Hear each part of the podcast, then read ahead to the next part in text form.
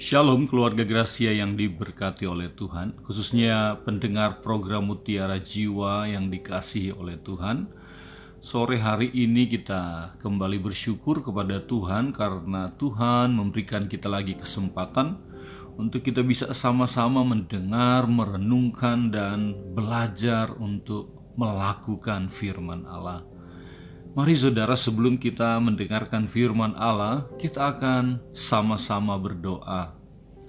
Bapa di surga kami bersyukur untuk sore hari ini sebab kami tahu ini adalah sore hari yang sangat diberkati Tuhan. Terima kasih buat nafas hidup yang Engkau beri kepada kami, kesehatan yang Tuhan berikan kepada kami, dan terima kasih buat iman yang terus tertuju kepada Tuhan, dan kami percaya kami ada karena anugerah Tuhan. Itulah sebabnya kami mau membuka hati kami pada sore hari ini untuk mendengar isi hati Tuhan. Berbicaralah Tuhan, pakailah hambamu, sehingga setiap benih firman Allah menjadi taburan yang bertumbuh subur di hati kami. Terima kasih Roh Kudus, di dalam nama Tuhan Yesus kami berdoa. Amin. Baik saudara terkasih Tuhan, pendengar program Mutiara Jiwa yang diberkati Tuhan. Tema firman Allah pada sore hari ini adalah berbicara tentang menjadi bijaksana meskipun kecil dan lemah. Haleluya. Sekali lagi menjadi bijaksana meskipun kecil dan lemah. Kita menyadari bahwa manusia terbatas, manusia itu tidak dapat melakukan banyak hal dengan kekuatannya sendiri. Kita setuju bersama bahwa kita rapuh, kita tidak berdaya tanpa Tuhan dalam hidup kita. Tetapi kita sangat menyadari bahwa kalau kita bersama dengan Tuhan, maka kita akan melihat perkara-perkara ajaib kita yang tidak berdaya akan menjadi perkasa, kuat di dalam kuat kuasa Tuhan. Dengan demikian kita akan merendahkan hati kita untuk selalu berkata, Tuhan, aku tidak punya kekuatan, tetapi aku punya Tuhan sumber kekuatanku. Haleluya. Itulah sebabnya sore hari ini kita memberikan hati kita untuk sama-sama belajar dari satu kekuatan Tuhan, dari kuasa Tuhan yang bekerja dalam hidup kita melalui firman Tuhan. Itulah sebabnya mari sama-sama kita baca firman Tuhan yang di dalam yang terdapat di dalam Amsal 30 Amsal 30 ayat yang ke-24. Demikian firman Allah katakan, ada empat binatang yang terkecil di bumi tetapi yang cekatan. Semut bangsa yang tidak kuat tetapi yang menyediakan makanannya di musim panas. Pelanduk bangsa yang lemah tetapi yang membuat rumahnya di bukit batu. Belalang yang tidak mempunyai raja namun semuanya berbaris dengan teratur cicak yang dapat kau tangkap dengan tangan, tetapi yang juga ada di istana-istana raja. Puji Tuhan. Maka saudara-saudara pada sore hari ini firman Allah ingin mengajar kita, mengajak kita juga untuk belajar dari satu kekuatan firman yang Tuhan ajarkan kepada kita ketika kita melihat beberapa jenis binatang yang dijelaskan oleh Alkitab, dijelaskan oleh firman Allah. Tuhan pada sore hari ini ingin mengajak kita untuk melihat binatang kecil tetapi yang perkasa. Tentu hal ini akan mengajak kita untuk juga menjadi pribadi-pribadi yang menyadari bahwa kita ini juga kecil, tak berdaya, tetapi kita bisa juga menjadi perkasa. Sebab itu buka hati kita, izinkan hati kita untuk belajar meskipun dari binatang-binatang kecil, tetapi ini pernyataan dari firman Tuhan untuk kita. Ada empat binatang yang terkecil di bumi, tetapi yang sangat cekatan. Kecil, lemah, tak berdaya. Tetapi cekatan. Cekatan dalam bahasa Ibrani diartikan sebagai wise, bijaksana. Saudara-saudara, apa yang membuat empat ekor binatang kecil ini bijaksana dan menjadi kuat? Mari kita lihat satu demi satu. Pertama Alkitab katakan, semut. Saudara saya tidak usah tanya, setiap kita tahu semut itu apa. Pernah lihat semut? Pernah mungkin digigit semut? Pernah mungkin usir semut karena semut itu ada di dekat-dekat makanan kita. Jadi kita tidak asing lagi kalau bicara tentang semut. Nah, apa yang Alkitab katakan tentang semut? Semut bangsa yang tidak kuat. Ya, kita setuju. Semut itu tidak kuat. Karena saudara-saudara dengan jari kelingking kita saja, seekor semut itu bisa mati, saudara-saudara. Betapa lemahnya semut itu. Namun saudara kasih dalam Tuhan Yesus Kristus, Alkitab katakan bahwa meskipun semut itu tidak kuat, lemah, tetapi ia adalah binatang yang menyediakan makan di musim panas. Maka saudara-saudara, kalau kita mengenal Tuhan, belajar dari firman Tuhan, kita pun harus belajar dari yang Tuhan ajarkan semut. Meskipun kita lemah, meskipun kita mengakui diri kita tidak kuat, tetapi kita belajar seperti semut yang menyediakan makan pada musim panas. Apa yang spesial pada semut?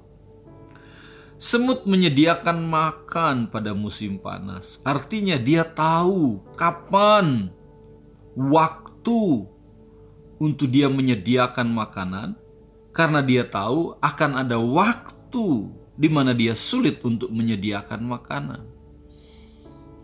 Sebagai anak-anak Tuhan, kita pun tidak perlu ragu, tidak perlu takut.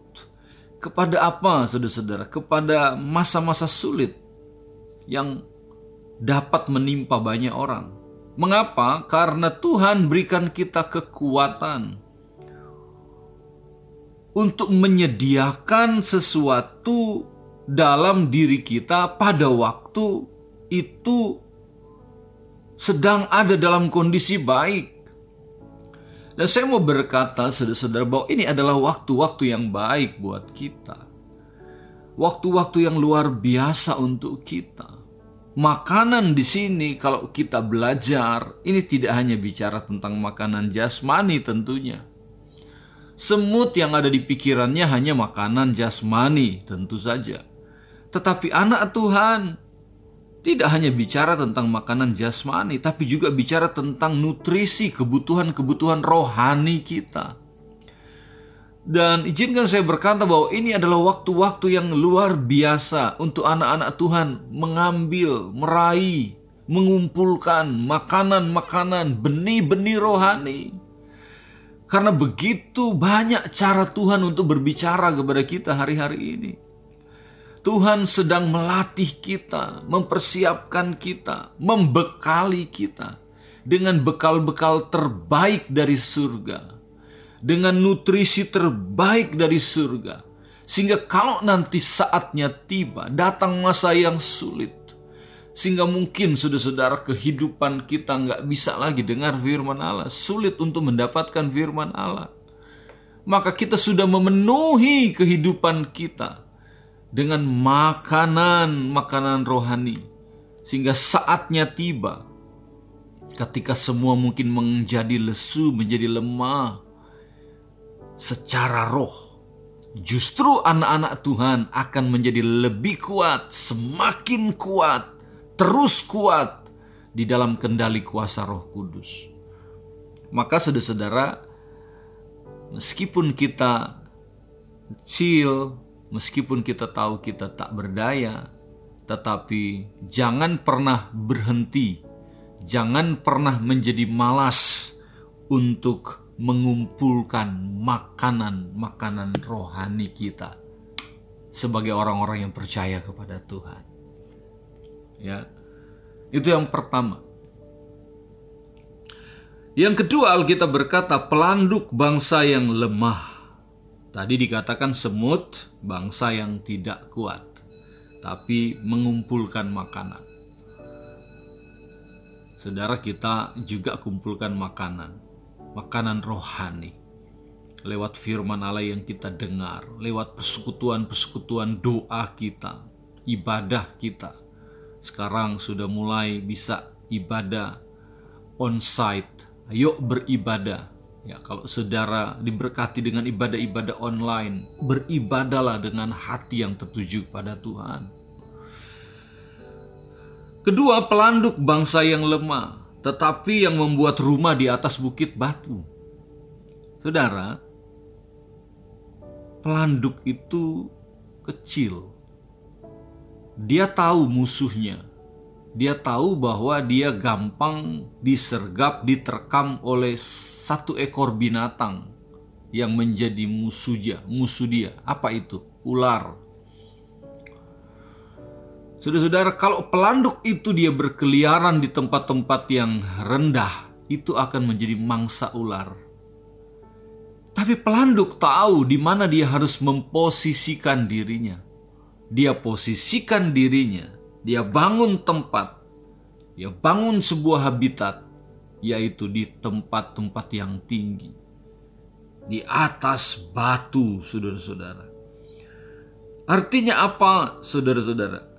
Artinya, ketika pelanduk tahu kelemahannya dia, siapa yang dapat memangsa dia, maka dia cerdas untuk memilih tempat yang sulit untuk dijangkau oleh pemangsa. Ini mengajari saya dan saudara. Kalau kita mau melihat pertolongan, melihat kekuatan Tuhan turun dalam hidup kita, dan tidak gampang menjadi mangsa dari dunia, dari dosa, dari keduniawian, dari kedagingan, maka saya percaya kita mesti belajar juga dari pelanduk. Posisikan diri kita ke tempat-tempat yang tinggi, di manakah tempat yang tinggi? Alkitab berkata bahwa Tuhan adalah gunung batu keselamatan kita. Tempat yang tinggi itu adalah gunung batu yang adalah Tuhan itu sendiri. Kalau selama ini kita memposisikan diri berdiam, merasa diri aman karena kita punya banyak uang, karena kita cukup secara materi, maka izinkan saya sebagai hamba Tuhan berkata itu posisi yang lemah dan gampang dibangsa oleh musuh. Taruh kehidupan kita, berdiam dirilah di dalam hadirat Tuhan. Bahkan ketika Tuhan izinkan mungkin kita secara ekonomi kurang begitu baik, hal-hal lain mungkin kurang begitu bagus, tapi kalau kita terus ada dalam hadirat Tuhan, kalau kita terus ada di dalam di dalam kehidupan yang menyenangkan hati Tuhan, fondasi kita adalah Tuhan, Dia adalah batu, Dia kita berdiri kokoh di dalam kebenaran. Maka saudara-saudara percayalah, tidak ada yang dapat merusak kehidupan kita. Saya ingat apa yang Alkitab katakan ketika Yesus mengutuk Kapernaum, Korasim, dan Betsaida. Tuhan Yesus berkata kepada tiga kota ini, Terkutuklah engkau. Mengapa? Karena mereka tidak hidup di dalam pertobatan. Ada banyak mujizat mereka alami saya tahu bahwa Kapernaum adalah kota yang bagus. Kota yang maju pada waktu itu. Secara ekonomi mereka maju. Tetapi di mata Tuhan Yesus mereka adalah kota yang terkutuk. Ditulis dalam Alkitab. Alasannya kenapa? Alasannya karena mereka tidak bertobat. Mereka mendasarkan kekuatan mereka kepada hal-hal dunia dan mereka dimangsa oleh dunia. Sebab itu Tuhan berkata bahwa pertobatan itu jauh lebih kuat, jauh lebih mampu untuk membuat seseorang itu hidup di dalam kemenangan daripada hanya sekedar menerima mujizat. Saya tahu kita perlu mujizat, amin. Tetapi fondasi kekristenan yang kuat bukanlah mujizat. Fondasi kekristenan yang kuat, batu yang kuat yang membuat orang Kristen itu, anak Tuhan itu kuat adalah Tuhan Yesus sendiri dan hidup di dalam pertobatan. Sebab itu pelanduk adalah bangsa yang lemah, tetapi dia tahu membangun kehidupannya di atas batu. Dia jauh dari ular. Demikian kehidupan saya dan saudara. Kita akan berkemenangan hidup dalam kekuatan kalau fondasi kita, bangunan hidup kita adalah Tuhan Yesus sendiri. Dan keputusan kita untuk hidup dalam pertobatan hari demi hari. Kita perlu mujizat, amin. Kita perlu kuasa adikodrati untuk menjalani hidup ini, amin. Tetapi sekali lagi, fondasi yang kuat untuk seseorang tetap bertahan dan menjadi kuat adalah hidup dalam pertobatan. Yang kedua, yang ketiga, saudara-saudara, Alkitab berkata, belalang yang tidak mempunyai raja, namun semuanya berbaris dengan teratur. Semua kita tahu belalang. Satu ekor belalang nggak terlalu berarti. Itu bisa menjadi mainan anak-anak. Anak-anak tangkap belalang, lalu kemudian ya di, diajak main. Kalau satu ekor belalang, lemah belalang itu. Tapi saudara-saudara, kalau bicara tentang kumpulan belalang, itu jumlahnya bukan satu, bukan seratus, bukan seribu saja. Itu bisa ratusan ribu bahkan jutaan belalang. Dan satu ekor belalang bergerak tidak terjadi sesuatu yang berarti. Tapi kalau sekumpulan belalang bergerak, saudara-saudara, satu kebun habis. Pertanian ludes. Kenapa? Karena mereka berjalan bersama-sama. Kebersamaan yang dibangun oleh belalang ini adalah contoh buat kehidupan kita juga kita tidak bisa berjalan sendiri. Kita perlu berjalan bersama-sama dengan orang-orang yang sehati dengan kita. Orang-orang yang sungguh-sungguh mengenal kebenaran, mengenal tujuan dan panggilan dalam hidupnya. Dengan siapa kita bergaul, itu akan mempengaruhi kehidupan kita. Maka kalau saudara-saudara kita belajar dari belalang, kita akan menyadari bahwa aku memerlukan orang lain. Persoalannya, saudara-saudara, kalau kita berjalan sendiri, kita bisa jalan semau kita. Tapi kalau ada orang lain di sekitar kita yang berjalan bersama-sama dengan kita, maka perlu apa yang namanya sinkronisasi. Perlu membangun sebuah sinkronisasi, menyingkronkan hati, menata hati satu dengan yang lain. Karena semua orang punya pikiran, punya keinginan yang bisa berbeda-beda satu dengan yang lain. Maka tantangan untuk bisa berjalan bersama-sama dalam sebuah komunitas itu adalah saudara-saudara kesehatian yang terbangun oleh sebuah kerendahan hati tentunya. Karena Alkitab berkata belalang itu tidak punya raja tetapi bisa berbaris teratur. Tidak ada yang mengomando mereka, tapi mereka bisa berbaris teratur. Ada bahasa yang baik sekali, duduk sama rendah. berdiri sama tinggi. Ini sebuah peribahasa yang memberitahu kepada kita tentang pentingnya kita memahami orang lain. Alkitab katakan, biarlah orang lain lebih utama dari kita. Biarlah orang lain kita anggap lebih baik dari kita. Oleh sebab itu, saudara-saudara, dalam membangun komunitas, jaga hal-hal yang dapat uh, merusak kebersamaan.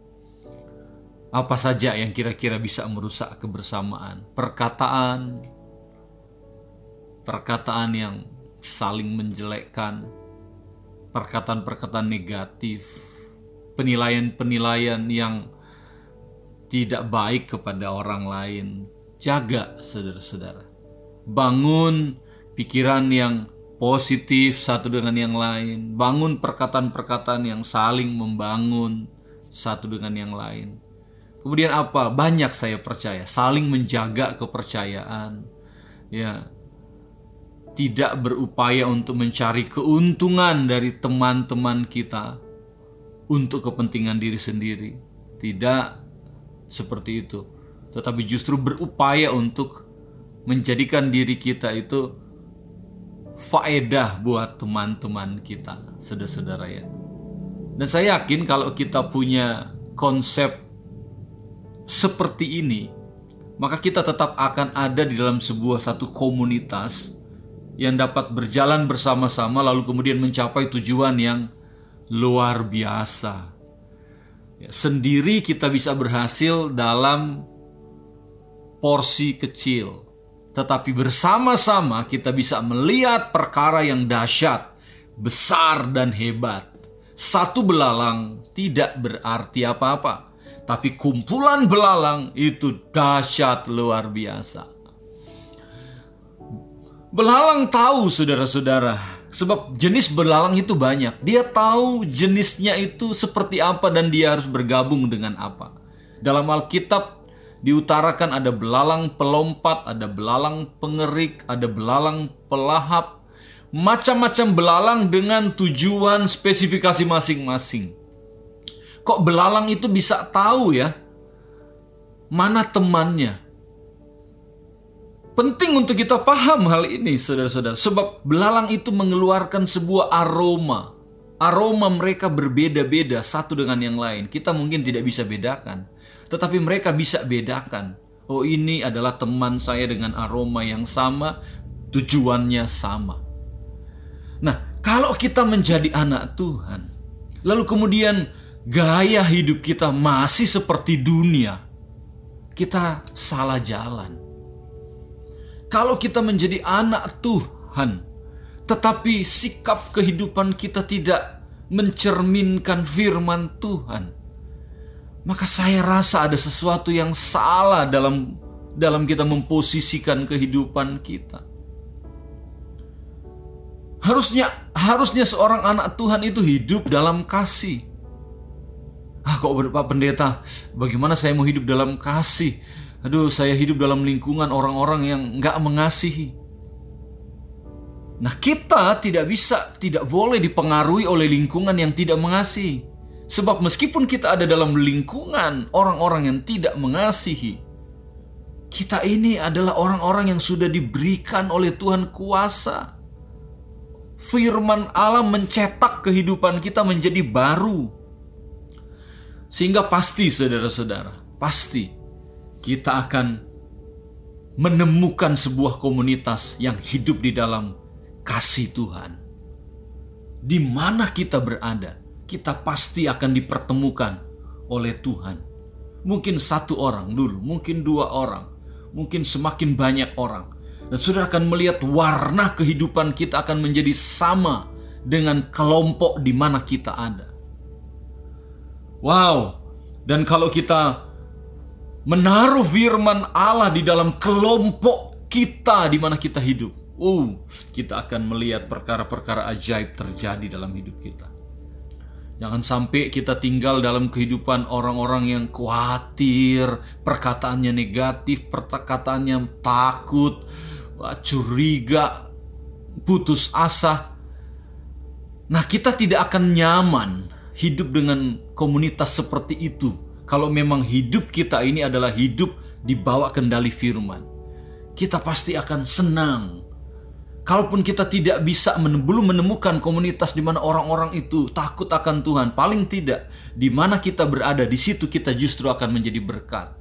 Kita akan mewarnai komunitas itu dan akan tampil sebuah sebuah komunitas yang sungguh-sungguh sesuai dengan kehendak Tuhan menjadi sebuah kumpulan yang berbaris rapi, sehati untuk menyatakan kemuliaan Tuhan.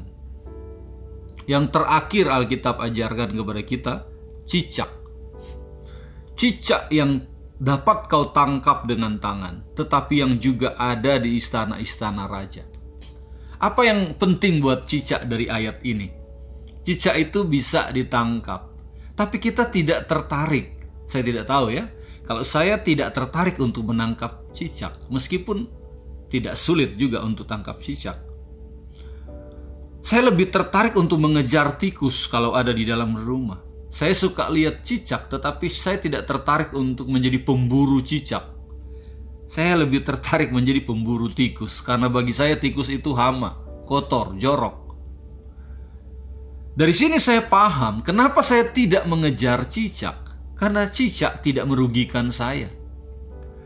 Cicak tidak makan makanan saya. Cicak makanannya tidak pernah berubah. Ada lagu kan? Cicak-cicak di dinding, diam-diam merayap, datang seekor nyamuk. Hap, lalu ditangkap. Dia tidak pernah berubah menu makanannya. Menu makanannya adalah selalu nyamuk. Dan itu tidak mengganggu saya. Itulah sebabnya saya tidak menangkap cicak. Berbeda dengan tikus. Tikus sudah bau, ya jorok. Lalu kemudian dia bisa ambil makanan kita dan sisa dari gigitan dia bisa menjadi penyakit buat kita. Maka apa maksudnya? Cicak itu adalah lemah, tetapi dia tidak merugikan orang lain. Dia tidak merugikan pihak lain. Dia fokus kepada apa yang menjadi menunya. Dia akan makan nyamuk saja. Itulah sebabnya kalau ada cicak di istana, saya tahu raja, presiden tidak terganggu. Betul ya, saudara? Dia tidak terganggu. Cicak maka Alkitab berkata, cicak dapat kau tangkap dengan tangan, tetapi dia juga ada di istana. Cicak bisa melihat orang-orang hebat, tetapi dia tidak pernah punya keinginan untuk mengambil dari yang dia lihat. Setiap kali dia lapar, dia butuhnya nyamuk, itu saja. Saudara, dalam kehidupan kita sebagai anak-anak Tuhan, Salah satu hal yang dapat merusak seseorang adalah ketika dia berubah dan merugikan orang lain. Kenapa? Karena dia mungkin lihat orang lain lebih hebat, dia lihat orang lain lebih sukses, lalu kemudian dia juga ingin seperti orang lain, sukses seperti orang lain.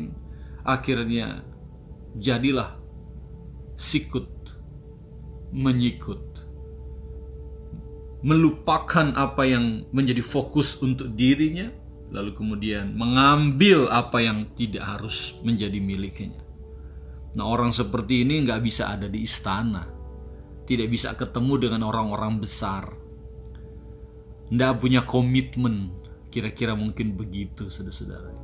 Kalau orang punya komitmen dalam hidupnya, dia tahu batasan hidupnya, dia akan bergerak dalam apa yang Tuhan sudah bataskan kepada dia, maka dia tidak akan merusak apa yang orang lain bangun. Dia akan membangun apa yang Tuhan sudah percayakan kepada dia. Dia tidak akan berkeinginan untuk mengambil apa yang orang lain punya. Itu yang saya dapat dari cicak, saudara-saudara. Cicak fokus kepada apa yang dia butuhkan dia butuh nyamuk, ya dia makan nyamuk. Mau dia ada di rumah kecil, mau dia ada di rumah uh, sederhana, dia tetap nyamuk yang dia kejar. Dia mau ada di istana, dia tetap nyamuk yang dia kejar. Dia tidak merugikan orang lain, maka dia bisa ada di mana pun. Dia bisa beradaptasi dengan siapa pun, sebab dia tidak merugikan siapa-siapa. Dia justru membawa keuntungan karena dia makanannya adalah nyamuk. Saudara kasih Tuhan Yesus Kristus, beberapa panduan dari firman Allah ini sederhana buat kita, tetapi kalau kita renungkan dengan baik-baik, sesungguhnya kita sama. Seperti tema di awal, kita kecil, kita lemah, tetapi kita harus kuat dan bijaksana. Mari saudara-saudara, saya tahu Tuhan akan memberikan kita kemampuan untuk berkemenangan dalam hidup ini dari kita belajar melalui empat ekor binatang ini. Ada semut, ada pelanduk, ada belalang, dan ada cicak.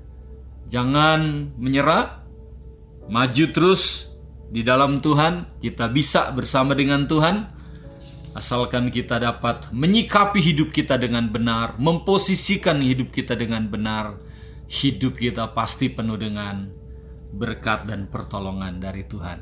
Tuhan Yesus memberkati kita semua.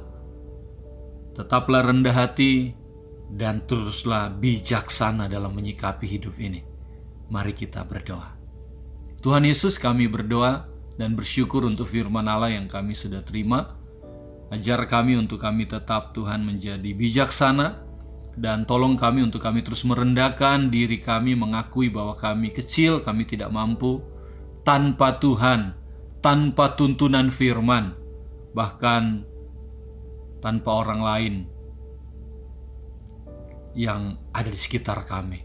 Kami menghargai Tuhan, kami menghargai semua orang-orang yang ada di sekitar kami. Kami mengucap syukur untuk semua proses Tuhan. Kami tahu bersama Tuhan kami cakap melakukan segala perkara karena Tuhan yang berikan kami tuntunan kebijaksanaan dan kekuatan. Berkati terus pendengar program Mutiara Jiwa Tuhan. Berkati Tuhan radio Suara Gracia. Kami percaya jadi alat Tuhan, jadi berkat Tuhan buat kota Cirebon dan sekitarnya, bahkan sampai sejauh mana orang-orang bisa mendengar program Mutiara Jiwa dan program-program lainnya di Suara Gracia. Tuhan Yesus, terima kasih segala kemuliaan hanya bagimu. Kami sudah berdoa dalam nama Yesus. Amin.